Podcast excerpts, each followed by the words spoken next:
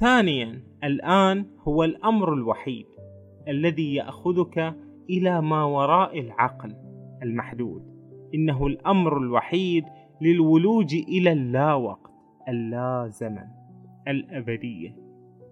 حين تعيش لحظة من هدوء وسكينة في غمرة الطبيعة آه، فلنفترض تراقب وردة جميلة.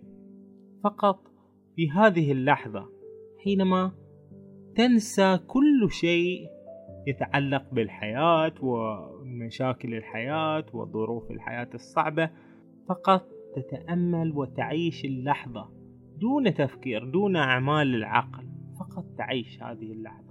تشعر أن هذه هي الحياة الحقيقية وهي السعادة الحقيقية فعلا. لا شيء يحدث أبدا في الماضي. إنه يحدث في الآن. لا شيء سيحدث في المستقبل بل سيحدث في الآن.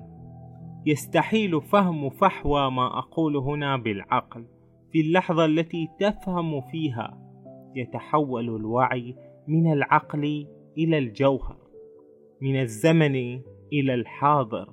وفجأة الكل يستعيد حياته تعود ذبذبات الطاقة لتنتشر لينبثق الجوهر. قد يقول قائل أن ما هذا الكلام؟ العقل نحن ليس لدينا سوى العقل لنفكر فيه. كيف أن هناك جوهرا غير العقل وأن لا نعمل العقل؟ وقد يقول قائل آخر أن الإنسان مكرم بالعقل. فما الذي يجعله يتخلى عن عقله؟ لكي يصير كالبهائم مثلا؟ حينما يفقد الإنسان عقله سيصبح كالبهائم. والجواب عن هذا السؤال هو أن العقل الذي يقصده هو بالتفكير السلبي الذي يحدث لدى الإنسان وليس بجعله يفكر في الأشياء التي تفيده. العقل له إيجابيات وله سلبيات؟ الإيجابيات تمسك بها ولكن العقل نفسه لديه سلبيات تحطم الإنسان لأن العقل مسؤولية. لما تكون عاقل أنت تحمل شيء كعت عنه السماوات والأرض لأن الحيوانات مثلا تكرمون أو النباتات أو المجانين هؤلاء كلهم يعني يا بختهم سعداء بالحياة. يعني تلقى قطة أو سنورة كما نسميها. هذه القطة لو فكرت تفكيرا إنسانيا بذاتها ليمكن يغمى عليها. لأنه بتفكر أن مثلا ولدي مات رجولي انقطعت في حادث سير وعيوني انبطت في حدث من الأحداث. أعيش على الكفاف ما أقدر آكل إلا الأشياء البسيطة من القمامة. لو فكرت القطة بهذه الأفكار الإنسانية يعني تشفق على نفسها لما عاشت يوما واحدا ولكن لحسن حظها أنها لا تفكر بهذه الطريقة. دعني أعيش في الحياة.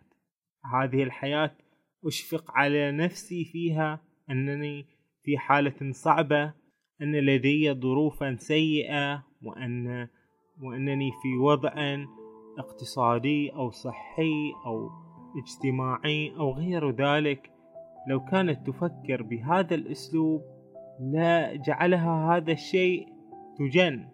يعني لو هي السنورة تفكر مثل ما يفكر الإنسان ولو الشجرة فكر مثل ما يفكر الإنسان. يعني تخيل أن شجرة آه، تقعد تفكر أن يمكن ما يجيني ماي في, في الأيام الجاية وموت أو يمكن آه، بيجي لي هذا الإنسان وبيقطع جذوعي وبتألم. لا تفكر في هذا الشيء الشجرة. تفكر في هذه اللحظة الحالية. أو ربما هي لا تفكر. فقط تعيش اللحظة الحالية. تعيش. هذه هي الحياة. الحياة هي أنك تنغمس في تفاصيل الحياة. فهذا المثال أن الحيوانات والنباتات وحتى المجانين يعني نلاحظ أن أن المجانين فرج الله عنهم آه، يكونون سعيدين بالحياة. تجدهم في الحي يمشون ويضحكون ويعني يعيشون الحياة بكل سعادة. والإنسان العاقل يعيش الحياة بكثير من التعاسة. لماذا؟ هل العقل يجعلك تشقى لهذا الحد؟ ولو زين نستخدم العقل في الأمور النافعة ندرس نتعلم آه، نفيد ونستفيد. بل نشغل هذا العقل في الحقد والغضب والآلام الدفينة على ما جرى في الماضي أو الخوف مما سيجري في المستقبل. كل هذه الأمور يجب أن نبتعد عنها. وأن نركز في الآن. ودعنا نرجع للكاتب.